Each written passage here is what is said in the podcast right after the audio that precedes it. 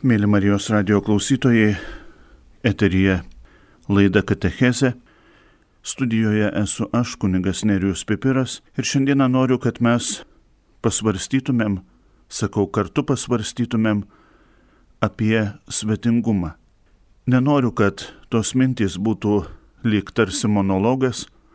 Mano didžiausias troškimas būtų, kad vienas ar kitas sakinys, kuriuo pasidalinsiu, sukeltų tam tikrą atgarsį.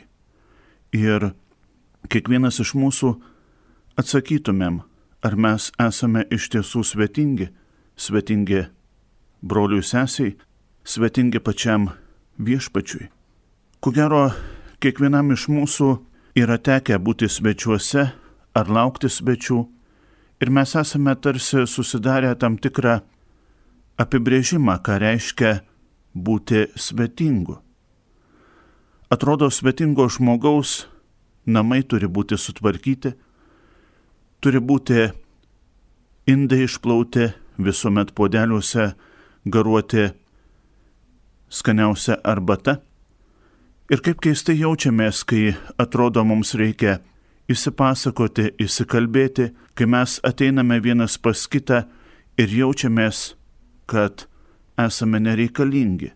Tu kalbėk, kalbėk, aš darysiu savo darbus, arba kai jaučiamės, kad esame pakviesti į tuos namus ne iš draugystės, bet tik tai iš to, kad reikia. Reikia užsidėti kokį nors pliusą, reikia išpildyti kokias nors tradicijas ar norus ar testamentus. Ir tikrai, jeigu nebūtų kokios nors progos, kada lik ir privalo mus kažkas tai pakviesti, mes nebūtumėm kviečiami į tuos namus, niekas mūsų neprisimintų, būtumėm tikrai nereikalingi. Ir tuomet mes tų susitikimų, nežinau kaip jūs, bet kalbant apie save, tikrai atrodo lik ir privengiu. Nes jaučiuosi nelaukiamas, nes jaučiuosi nereikalingas, nes jaučiuosi, kad tas mano buvimas yra tik tai pliuso užsidėjimas atėjai, tai pabūk, išgerk tos kavos, o aš darysiu savo darbus ir panašiai. Ar toks žmogus, kuris kažką tai daro dėl pliuso, ne iš draugystės, ne iš bičiulystės, yra tikrai svetingas. Labai greitai mes pajuntame, kada esame laukiami, o kada viskas tik šiaip savo tarsi pro formą. Dėl to, kad Visi taip daro dėl to, kad mūsų giminėje taip yra įprasta ir aš nenoriu tam tikrą prasme įsišokti iš giminės. Nenoriu būti nesuprastas. Ne vienam iš mūsų, kai reikia ruoštis svečių prieimimui, širpuliukai pradeda lakstyti per kūną. Kaip pažiūrės, kaip atrodysiu, ar iš tikrųjų arbata, kuri bus įpilta į paprastus podelius, ar ji tiks Ir tai be abejo visiškai suprantama, juk norime viešnagiai, šventiai, kuo geriausiai pasirenkti. Aš prisimenu vieną pavyzdį iš savo paties gyvenimo, kada vienas žmogus norėjo sukviesti savo artimuosius ir rengėsi tai šventėje kaip išgalėdamas. Deja, atėjus laikui, į tuos namus pasibeldė tik tai galbūt keli žmonės, o visi kiti giminės garbingieji ir didingieji netvyko. Netvyko dėl to, kad jiems atrodė, jog namai nepakankamai sutvarkyti, kad galbūt kažkada tas žmogus yra pasakęs kokį nors netinkamą žodį jų atžvilgiu. Ir prisimenu mintise, būdama su tuo žmogumi, galvojau, kad iš tiesų svetingumas tai nereiškia vien tik tai aukšto lygio vizitą. Tai reiškia žmogaus atvirą širdį, žmogaus norą dalintis su visais net ir tą pačią paprastą būtimi, net ir tais pačiais paprasčiausiais dalykais, paprasčiausia kasdienybė. Ir kartu, kai mes kalbame apie svetingumą, ko gero reikėtų prisiminti, kad yra ne vien tik tai fizinis svetingumas, ne vien tik tai noras, kad vizitas viešnagė šventė praeitų gražiai, taip kaip mes įsivaizduojame pagal mūsų scenarijų, bet yra ir širdies svetingumas. Ir štai man prisimena šventoji Darata, mirusi apie 303 metus kankinė.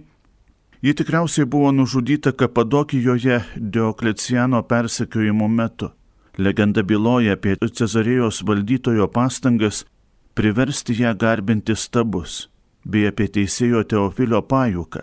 Jis pasityčiojo iš einančios mirti daratos, atstumdamas jos pasiūstą gėlių puokštę iš amžinojo sodo, į kurį jis kelbėsi su džiaugsmu keliaujanti.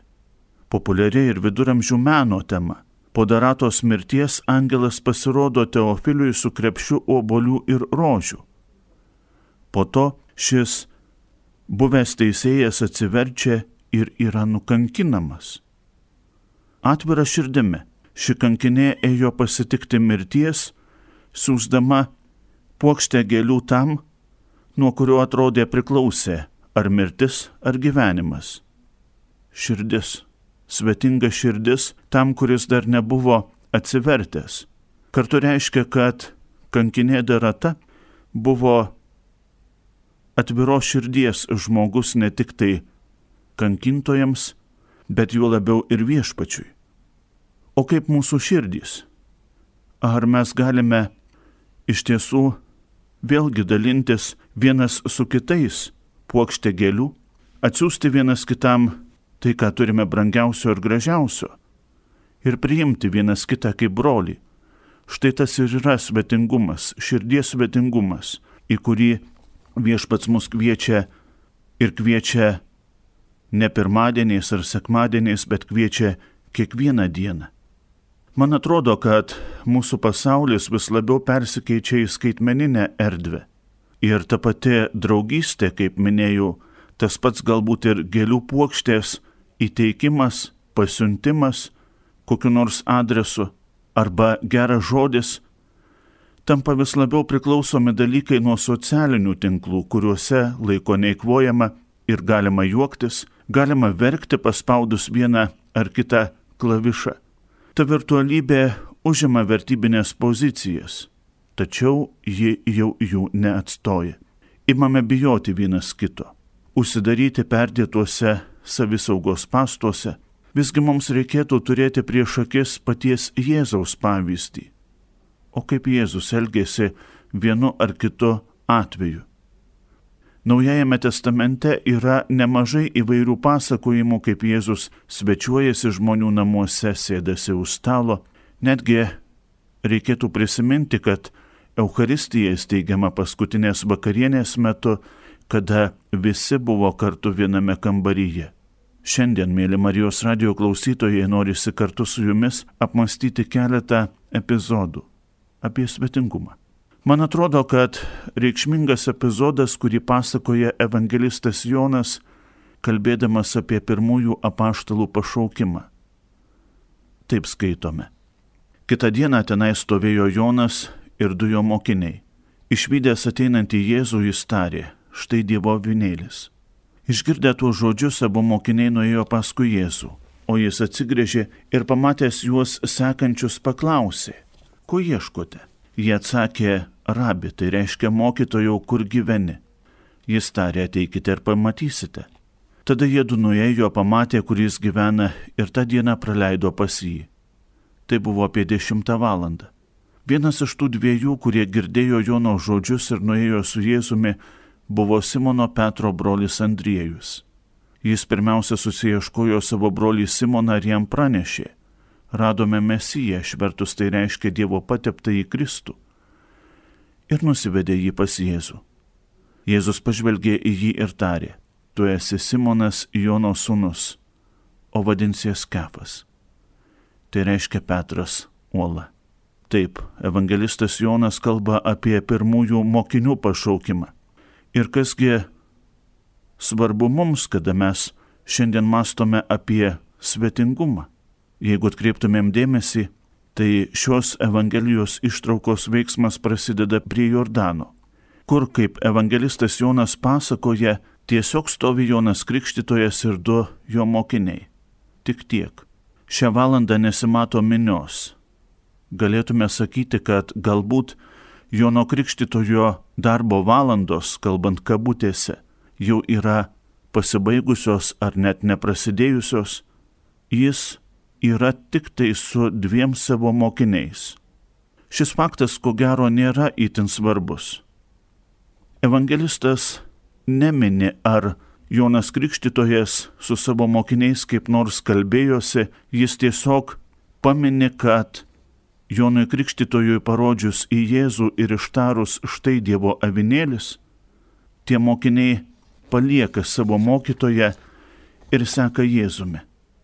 Ir čia nereikia daugiau žodžių, mokiniai tiesiog nuseka paskui Jėzų.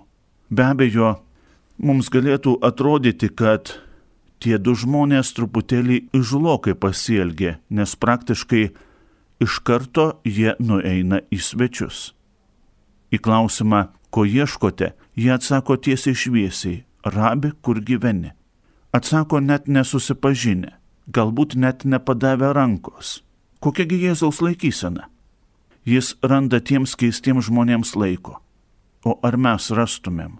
Ko gero mes numotumėm ranką, ko gero mes įsitaisytumėm dar vieną kokį nors signalizacijos kodą, kad tik tai tie žmonės nepamatytų, kur mes gyvename ir nebūtų kartu su mumis, kad mums nereikėtų pasidalinti rytinę kavą su jais, nereikėtų pasikalbėti ir išklausyti.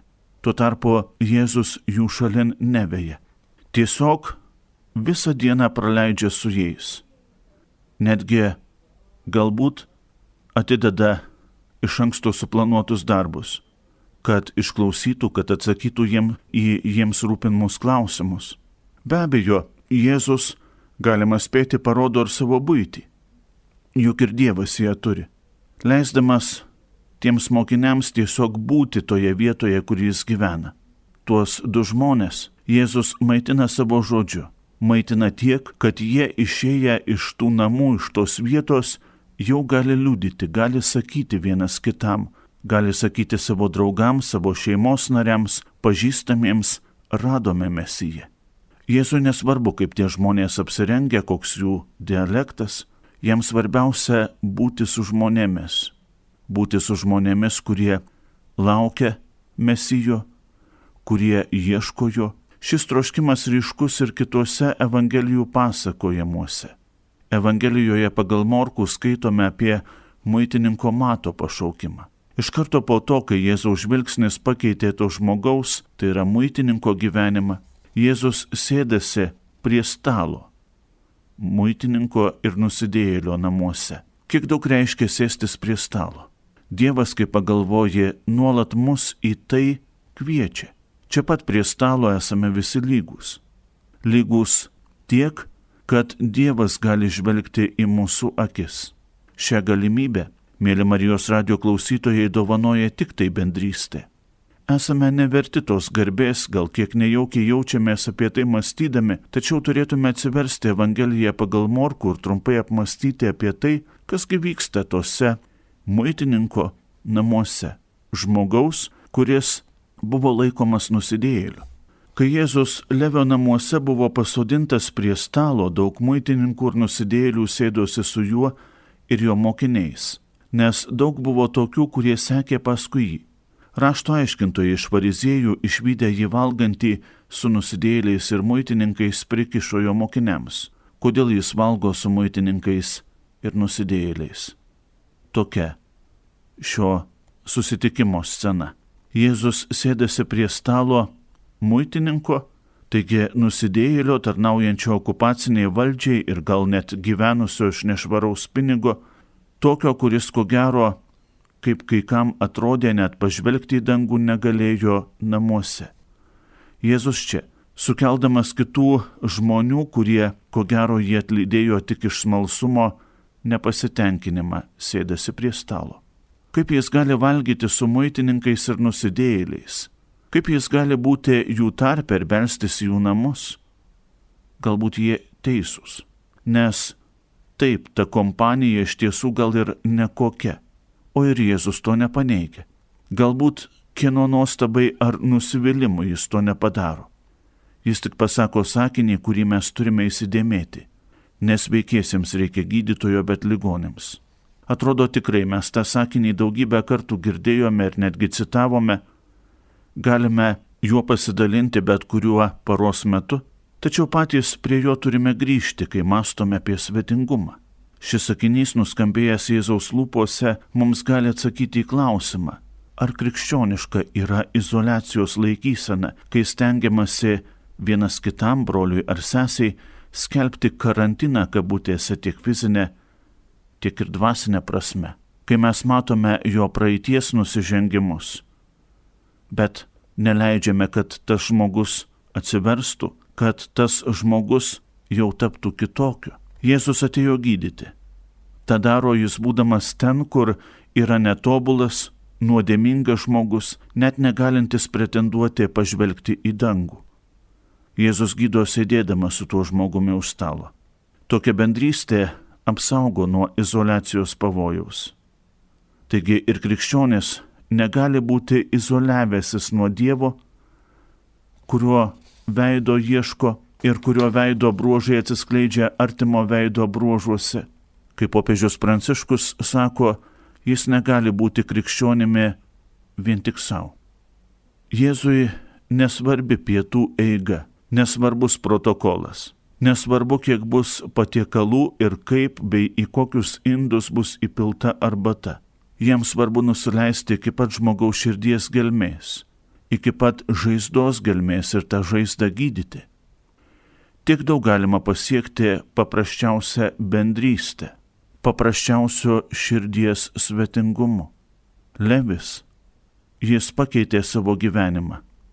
Ir atrodo, visa tai prasidėjo nuo paprasčiausio žvilgsnio, kada Jėzus pažvelgia į žmogų atliekantį pareigas, esantį muitinėje, kada ir žmogus pamato tą kviečiantį Dievo žvilgsnį ir atveria savo namų duris. Kaip svarbu yra atverti Dievui savo namų duris ir parodyti, kuo mes gyvename, kaip atrodo mūsų kasdienybė, kur yra tos žaizdos, kurias išgydyti gali tik tai Jėzus, prisėdęs už mūsų kasdienybės stalo, to netobulo stalo. Ir dar vienas gerai žinomas tekstas Jėzus Mortos ir Marijos namuose. Evangelistas Lukas mums sako, kad jis čia užėjo Mortai pakvietus. Įdomus tas Mortos pavyzdys. Galėtume sakyti, kad ji labai drasi. Kažin ar mes drįstumėm į savo namus pasikviesti Jėzų. Šiandien galbūt nedrįstume net ir brolio ar sesers ar kaimyno pasikviesti. O kada mes kvieštumėm Jėzų? Ir kaip tą darytumėm? Mums, moderniems žmonėms, atrodo, kad pasikviesti Jėzų yra kažkaip nešiuolaikiška, gal net kvepia mirtimi. Dažnai taip net ir krikščionis galvoja.